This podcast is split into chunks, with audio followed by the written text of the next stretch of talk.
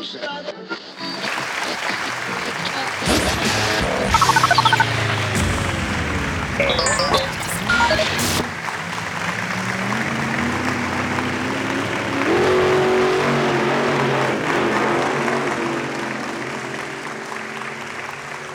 välkommen till poddverkstans podcastserie om att göra podcasts. Det låter väl otroligt meta alltihopa.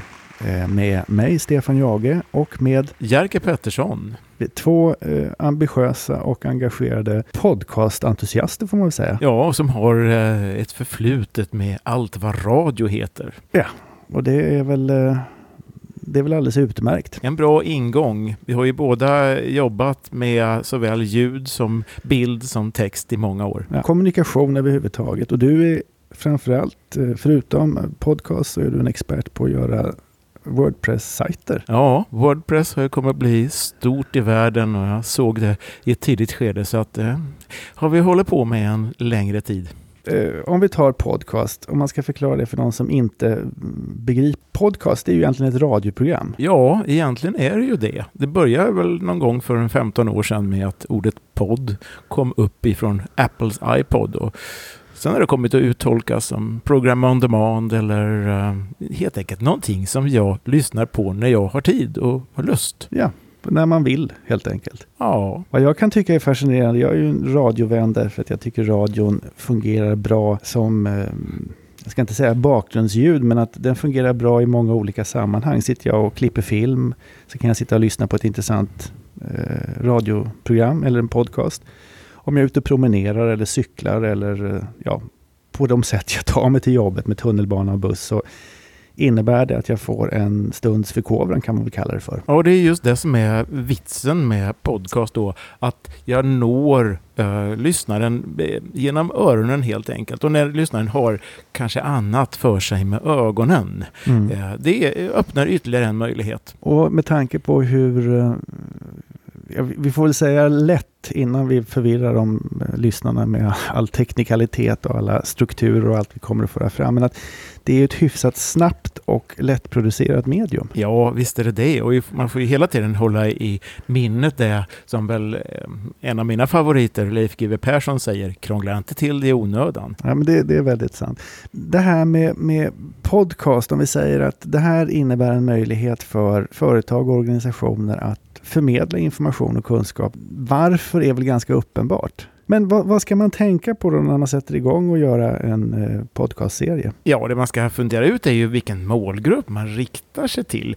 Det går ju i princip att göra en podcastserie om ett väldigt smalt ämne och du får ju då en mindre målgrupp naturligtvis. Men eh, du kan också göra det om ett brett ämne och få en större målgrupp. Du hela tiden tänka ut vem är det jag förväntar mig ska lyssna på det här? Och sen är också, som jag kan uppleva efter att ha hållit på med det här i sju åtta år, det är ju att eh, man kan, jag kan bli personligen förvånad över att gamla program som har legat kvar och skräpat, ja skräpat och skräpat, men som har legat kvar på Soundcloud eller på någon annan distributionstjänst, att de plötsligt kan få nytt liv. Ja, allting lever ju kvar för evigt och det finns alltid människor som inte har lyssnat på det du har gjort även för kanske tio år sedan. Mm. Så att eh, aktualitet är ju i och för sig en del i det hela. Men vissa ämnen är ju odödliga. Jag skulle kunna tänka mig att man kan ha en podcast om Titanic.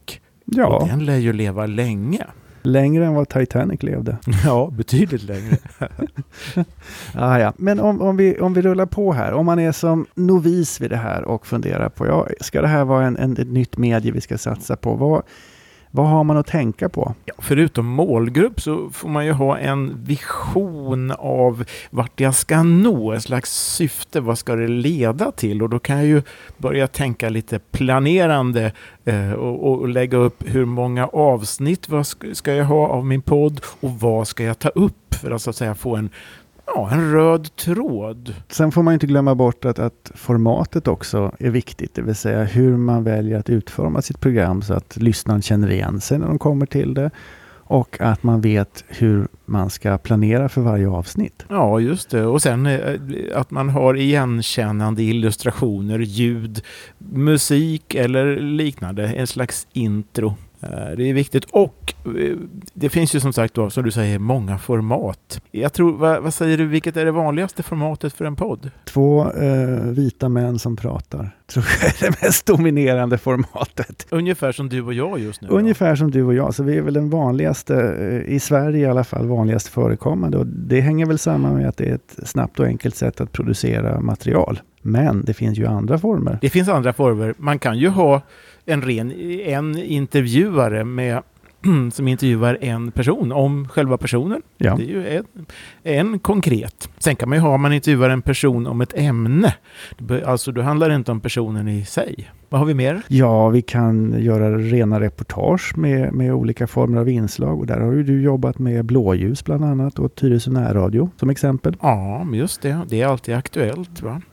Och uh, informerande så att säga. Ja. Det finns debatter som man kan uh, spela in diskussioner och forum och där finns det ju flera exempel som man har lyckats med där man samlar tre, fyra eh, experter runt ett bord och samtalar om ett ämne. Och sen kan man faktiskt vara bara en röst i form av en kåseri, en krönika eller en berättelse eller en reflektion av något slag. Oftast då i kortare format, alltså 5-10 minuter någonting. Mm. Som tankar för dagen fast annorlunda. Ja. Ett format som jag eh, tycker väldigt mycket om och som jag ser i eh, framförallt i amerikanska podcasts. Det är ju det här när man gör ett slags magasinsformat eh, som är en eh, lite mer ambitiös, eh, ambitiöst format när det gäller podcast. Men det är oftast ett väldigt intressant format där man kan blanda olika komponenter och där lyssnaren faktiskt kan ägna mer tid åt att lyssna till podcast därför att det sker mycket saker under den timme som kanske podcasten varar. Ja, just det. Och då blir det ju, då kan man säga, då blir podcasten lite mera producerad. Det finns ett tempo, en dramaturgi i den och ja. ett ett flöde. Som, ja, den gör den ju mer intressant. Va? Ja, men samtidigt så, så kräver det som sagt vad det kräver lite större arbetsinsats. Men å andra sidan så det blir väldigt suggestivt och det kan bli väldigt bra. Sen har vi den där frågan alltså hur ofta ska man då ge ut ett avsnitt av sin podcast? Det där är ju en väldigt intressant fråga därför att jag tror att Eh, regelbundenhet är ju bra samtidigt som regelbundenhet ställer andra krav på organisation. Om man vet att en podcast kommer ut eh, en gång i veckan på torsdagar så är det ju lätt för lyssnaren att stå beredd och trycka igång avsnittet när det kommer på torsdagmorgonen exempelvis. Men samtidigt så kräver det ganska mycket arbete. Och jämför vi med ett radioprogram så, som Stil i P1 eller någonting annat så är det en enorm produktionsapparat för att få det att funka och bli bra varje vecka. Så att man kan kanske sänka ambitionsnivån aningen genom att ha lite mer sällan men mer relevant. Ja, det finns ju ett uttryck som heter less is more och det kan väl vara bra att tänka på att inte här, motsatsen blir ju att man nästan spammar och lägger ut väldigt mycket och det kanske mottagaren eller målgruppen inte riktigt orkar med och då kan man ju få en motsatt effekt. Det är sant. Eller så kan vi starta Minimalistpodden som ger ut ett fem minuters avsnitt var tionde år. Ja, det är en helt ny idé. Va? Och då, är, då snackar vi långsiktighet. Vi snackar långsiktighet. Påminner lite om John Cage och hans As Slow As Possible som är en uh, världens längst varande musikfram... Vet du, säger man framträdande? Eller? Ja, det är väl en framträdande en performance, ja, tänker jag. As slow, I, as, I sann swinglish. Ja, As slow as possible av John Cage som skrevs 1987 för kyrkoorgel och eh, som håller på att framförs nu från och med eh, 2001 och ska pågå i 639 år fram till 2640. Du, det är ett ganska långt perspektiv. Ja, jag tycker långt från kvartalsekonomi om vi säger så. kanske, kanske stimulerande och uppfriskande. Men du, då har vi gått igenom eh, några av de här grejerna. Jag tänker på att eh, det kräver ju också planering och framförhållning och då behöver man ju ganska stor hjälp av en redaktionell kalender. Eller contentkalender eller vad folk du kallar det för. Kärt barn har många namn. Ja, absolut. Alltså tänka till det. Vad, vad vill jag säga? Hur, hur ofta vill jag säga det? Och ha en framförhållning så man inte står där fem i tolv då när det ska ut. Och så underlättar det ju också för det här det är extremt viktiga att kroka framåt i slutet på varje avsnitt. Det vill säga att på något sätt få lyssnaren att uh, ha förväntningar inför nästa avsnitt. Just det, och det är ju viktigt att liksom kunna säga och i förra avsnittet pratar vi om och i kommande avsnitt kommer vi att. Ja.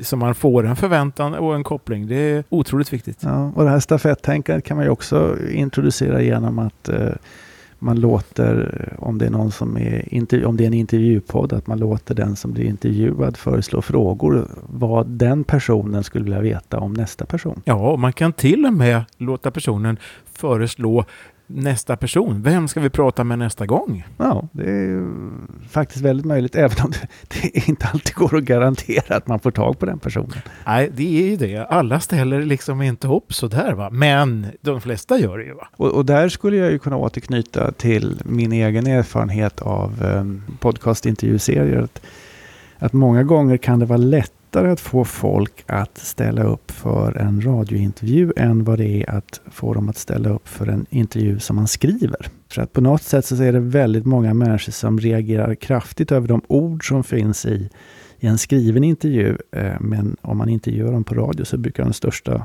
invändningarna handlar om att de tycker inte att de låter som de gör, som de uppfattar sig själva att låta. Ja, och det är alltså inte för inte har vi det här gamla uttrycket, någonting som är svart på vitt, alltså skrivet, tas väldigt, väldigt mycket mera, ja, det är som hugget i sten mera, va? än om du säger något.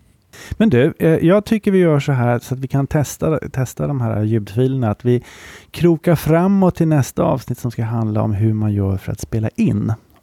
Och eh, det kommer vara med gästerna Jerker Pettersson och Stefan Jage som också kommer vara programledare. Och då ska vi fokusera på vad det är man ska göra och inte ska göra i de lägena när man spelar in. Mikrofoner och teknik och eh, metodik.